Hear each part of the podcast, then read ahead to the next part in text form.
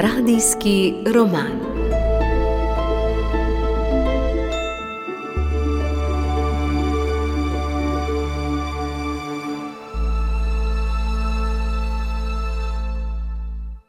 Spet lepo pozdravljeni, z vami je radijski roman. Prebiramo knjigo Dragul v pesku iransko-ameriške pisateljice Tese Afšar.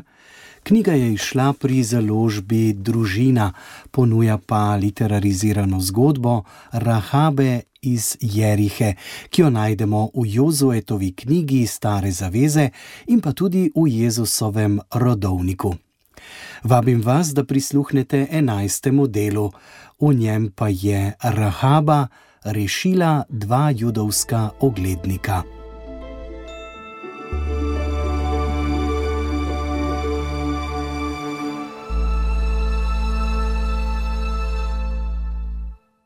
Rahaba je pogotnila slino, čeprav je v grlu nastal velik cmok.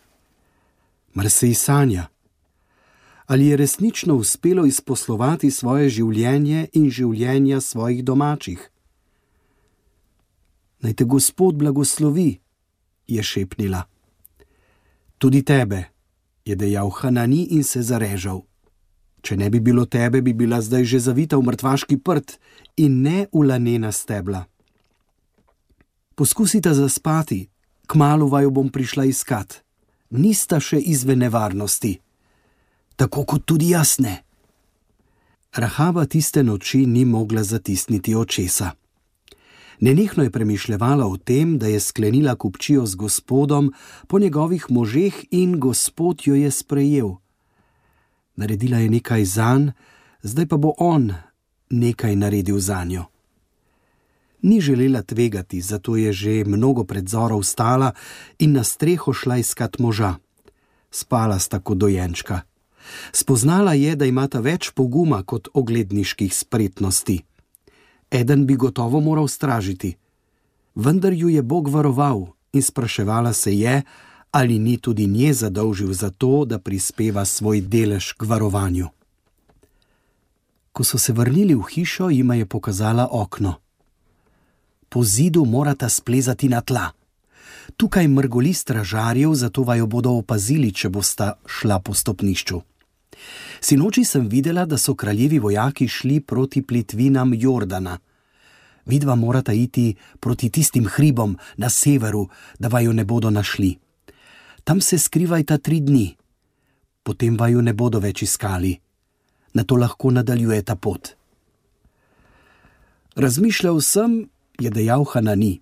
Od vojakov ne moreš pričakovati, da bodo sredi bitke vedeli, kje je tvoja krčma. Svojo hišo boš morala nekako označiti, da jo bodo prepoznali in vam prizanesli. Na hitro je pogledal po sobi in uzrl debelo škrlatno vrv, ki je obrobljala stensko preprogo. To škrlatno vrv obesi na okno. Prav tako moraš vso družino zbrati v svoji hiši. Vsem, ki ne bodo v tvoji krčmi, ne moremo zagotavljati varnosti. Za svojo smrt si bodo krivi sami. A za vse, ki bodo v tej hiši, mi dva prevzameva vso odgovornost. Če pa naj boš izdala Rahaba, naj jo obljuba ne bo več vezala. Obljubim, da se bom izkazala zvesto vam in Bogu. Izjemna ženska si, je vzkliknil Hanani. Ezra pa je pokimal. In vidva sta mi prirasla k srcu, je odvrnila zadovoljnim nasmeškom. Hitro morava oditi, preden se zdani, je vmes posegel Ezra. Pregloboko je, da bi pod okno postavila tvojo lestev. Imaš kakšno močno vrv, Rahaba, ali pričakuješ, da bova dol poletela? Gospod je za vas razdelil morje, gotovo vam lahko priskrbi krila, kaj ne? Ja, ampak medtem ko čakava, da nama bodo pognala, bi lahko bila prijazna in nama prinesla vrv, je zagodrnjal Hanani. In jo boš tudi dobil, moj hebrejski prijatelj. Rahaba je brskala po skrinji, dokler ni našla vrvi. Hanani ni izgubljal časa. Takoj si jo je okrog pasu zavezal s trdnim vozlom. Ezra ga je spustil po zidu proti tlom, njegov prsni koš se je napenjal, ko je nosil težo svojega prijatelja. Hanani se je dotaknil tal tik ob obzidju Jerihe. Ezra si je konec vrvi privezal okrog pasu, drugega pa potegnil skozi kljuko v zidu, kamor je Rahaba običajno obešala svetilko. Njegovo čelo se je še bolj nagubalo kot vrv, ko ji je podal drugi konec. Misliš, da boš lahko zdržala mojo težo? Če ti bo vrv ušla, bo kljuka morda ublažila moj padec, ampak ob tisti hitrosti si bom najbrž vseeno zlomil hrbet. Rahaba je dobila suha usta. Ne bom te izpustila, le ne prodajaj zijal na poti navzdol. Ne ustavljaj se, da bi si kaj ogledal ali kaj podobnega. Spusti se, kolikor hitro se lahko. Ezra je prhnil: Ne skrbi, jerih imam dovolj. Vendar se bom na dan bitke vrnil pote in po tvojo družino. Zdaj pa močno primi to vrv, ker v rokah držiš moje življenje. Rahabi se je še zadnjič spodbudno nasmehnil in splezal preko zunanje police. S konicami prstov se je za polico držal delček sekunde. Rahaba pa se je uprla stopali v kot zidu in si vrv nekajkrat ovila okrog roke. Tedaj se je spustil. Rahaba je pridušeno kriknila, ker jo je sunkovito potegnilo naprej. Njeno telo je lezlo proti oknu zaradi velike teže Ezrovega visečega telesa in kar videla je, kako pada proti tlom. Z vso močjo, ki jo je premogla, je zataknila stopala za prak in ga držala. O bog, o bog, o bog, pomagaj mi, je hlastala za zrakom. Na to je spet ujela ravnotežje, sapo in začela malo po malo spuščati vrv. Ezra je poskušal pomagati, ko je bilo mogoče. Dlan ali stopalo je vtaknil v kako razpoko med kamni, a te so bile zelo redke in med njimi je bilo veliko razmika, zato je Rahaba večino časa morala nositi njegovo polno težo. Še nikoli ni nosila tako težkega bremena. Ezra je bil dvakrat težji od nje, tudi če bi se obilno najedla. Še močneje je uprla stopala v tla in vlekla vrv, da so ji dlani začele krvaveti in je imela roke odrgnjene od trenja, ki ga je skušala nadzorovati ni se menila za kri in pekočo bolečino, in je še naprej držala vrv. Ezra se je spustil že pol poti, ko je vrv nenadoma spouzela iz roke in ji olupila kožo. Proti tlom je poletel strah z bujajočo hitrostjo, in Rahaba ni imela več sape, niti zato, da bi zakričala. Z vso močjo je zgrabila vrv in jo zadržala. Pogotnila je slino. Ezra je obvisel nad tlemi, do katerih ga je ločevala le velikost človeka. Potem se je počasi dotaknil tal, kar je bil najbolj lahkoten del celotnega spusta. Takoj, ko je Ezra razvezal vozel in se osvobodil vrvi, sta moža stekla proti hribovju. V temi, ki se je še ni dotaknila zora, ju je Rahaba izgubila izpred oči, še preden je dvakrat pomežiknila živahnostjo, ki jo je podžigala nevarnost, je potegnila vrv nazaj in jo bliskovito hitro pospravila, če bi se vojaki morebiti vrnili in preiskali njeno hišo. Potem je pospravila še lestev, na zadnje pa si je oskrbela pekočo in krvavo roko ter dlani. Hvala Bogu, da je možema vsaj tokrat uspelo pobrati vse njune stvari. Zdaj morali še prepričati svoje domače, da bodo varnejši v gospodovih rokah kot v rokah svojih bogov. Prepričati jih mora, da bodo svoje življenja izročili v roke svojega sovražnika, ki je strah in trepet prebivalcev Jerihe. Šesto poglavje. Sinora je uskipel njen brat Jona, se ti je skisalo, je zarjovel karem. Rahaba je odprla usta, a Jona še ni končal. Hvaležna mu je bila, da jo je prekinil. Ni se čutila sposobno, da bi se z velikim zanosom zagovarjala. Če ugotovijo, da si hebrejskima oglednikoma dala zatočišče, te bodo ubili in tudi nas bodo pobili, ker imamo to nesrečo, da smo tvoji domači. Po Jonovi pripombi so se pogreznili v mok in Rahaba je težko pogoltnila slino. Čeprav jih ni mogla kriviti za to, da so ji zamerili, jo je še vedno bolelo, da so jo izrabili in na to zavrgli. Zakaj bi morali ugotoviti, jih je vprašala in se trudila, da bi govorili mirno. Poslušajte, saj nimate česa izgubiti. Če boste tiho, nihče v Jerihi ne bo izvedel.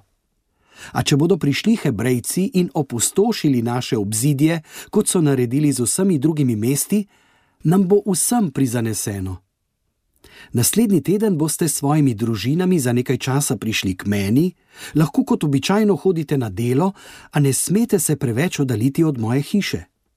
Če bodo stražari opazili njihovo vojsko, bodo sprožili preplah in boste imeli dovolj časa, da pritečete nazaj na varno.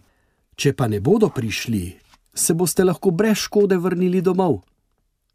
Pomislite pa, kaj se bo zgodilo, če pridejo in premagajo našo vojsko in vas ne bo tukaj. Pomislite na to, kaj boste izgubili tedaj. Že tedne in tedne se pogovarjate skoraj o ničemer drugem kot o strahu pred Hebrejci. Zdaj pa se vam ni treba več bati. Ostali boste živi, ne glede na to, kaj se bo zgodilo. Kako jim lahko zaupaš? Besedo so ti vendar dali pogani, ki nimajo zakonov. Kaj ti to pomaga? je Jona bruhnil iz sebe. Njihov bog obljube jemlje zelo resno in oni ga vsem ubogajo. Ponavljam, kaj lahko izgubite, če upoštevate moj predlog? Na koncu so se vsi odločili, da bodo nekaj tednov stanovali pri Rahabi.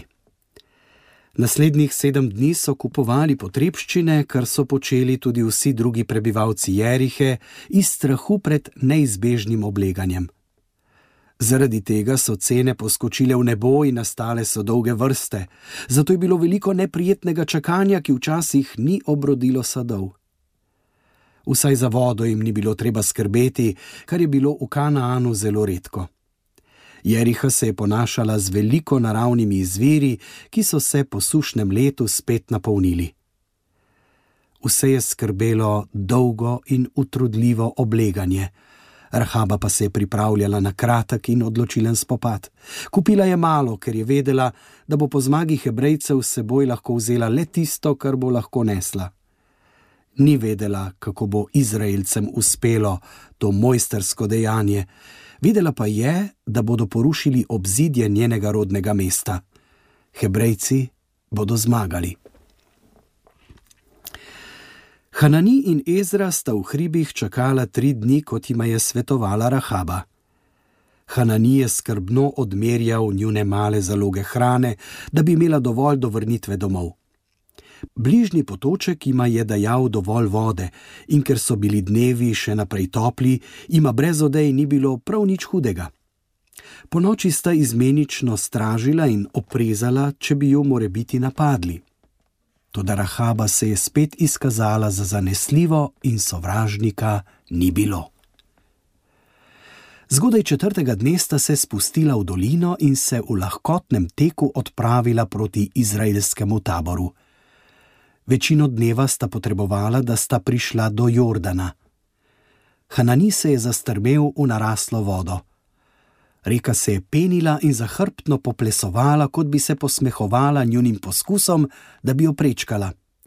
Voda je bila še višja kot pred dnevi. Izra je brez oklevanja skočil v vodo in Hanani, ki ni želel zaostajati, je globoko zajel zrak in mu sledil. Že pri prvem koraku se mu je zdelo težko, a spoznal je, da mora naprej, sicer ga bo tok pokopal. Hitev je in komaj kaj videl, ker mu je voda pljuskala oči. Ko je poškilil proti nasprotnemu bregu, je opazil, da je Ezra, ki je bil nekoliko niže v strugi, v velikih težavah. Bil je bliže obrežju, vendar ga je očitno zgrabil močan vrtinec in ga vlekel na dno. Hanani je zagodrnjal. Nekako mora priti do prijatelja. Pred seboj je zagledal dolgo vejo, ki je visela nad vodo. Nerazločno je zamomljal molitev in se pognal proti njej. Ni imel izbire, upal je, da je trdna. Nameraval jo je uporabiti za oprijem, da bi prijatelja potegnil iz vode. Z enim očesom je gledal vejo, z enim pa Ezra, ter se še močneje pognal naprej. Tako, ravno ko je dosegel vejo, je videl, da je Ezra potegnilo pod vodo. Oklenil se je veje in dovolil toku, da ga je odneslo do kraja, kjer je na zadnje videl Ezra. Kje si, prijatelj, pokaži se! Tedaj je iz vode pogledala temna glava. Ezra je zaklical in iztegnil roko. Ezra je bil videti zmeden in le še na pol pri zavesti. Hanani ga je zgrabil za lase in na vso moč potegnil. A! Ezra je prišel k sebi toliko, da je spoznal, kaj se dogaja, in se oklenil Hananijeve roke.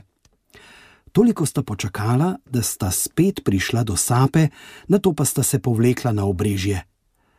Padla sta po tleh in sopla ter pljuvala vodo, hvaležna za zrak v pljučih. Čez nekaj trenutkov je Hanani vstal in na noge potegnil še Ezra. Hvala, je zamrmral, na to pa začel močno bruhati. Hanani se je spačil in se obrnil stran, da bi prijatelju omogočil nekaj zasebnosti. Ti je zdaj bolje? ga je vprašal, ko se je umiril. Ja, hvala, ker si mi rešil kožo. Hanani je dvignil roko. Bes Jordana se ne bi mogel primerjati z besom tvoje sestre, če bi jih domov prinesel tvoje truplo.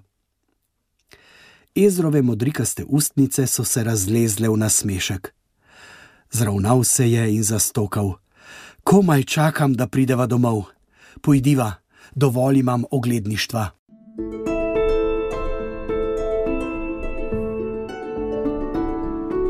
Radijski roman. To je bil enajsti del radijskega romana iz knjige Dragul v pesku pisateljice Tese Afšar. Če ste zamudili katerega izmed delov, lahko pogledate v naš radijski arhiv ali pa se naročite na podcast radijskega romana. Morda pa bi knjigo raje prebirali sami, založba družina vam kot poslušalcem radijskega romana ob nakupu knjige Dragulu Pesku nudi 10-odstotni popust. Sicer pa lepo vabljeni k poslušanju tudi prihodnji teden, ko bomo prisluhnili naslednjemu delu, v katerem pa bodo Izraelci že odšli proti Jerihi. Nocoj sem bil z vami, Jože Bartol.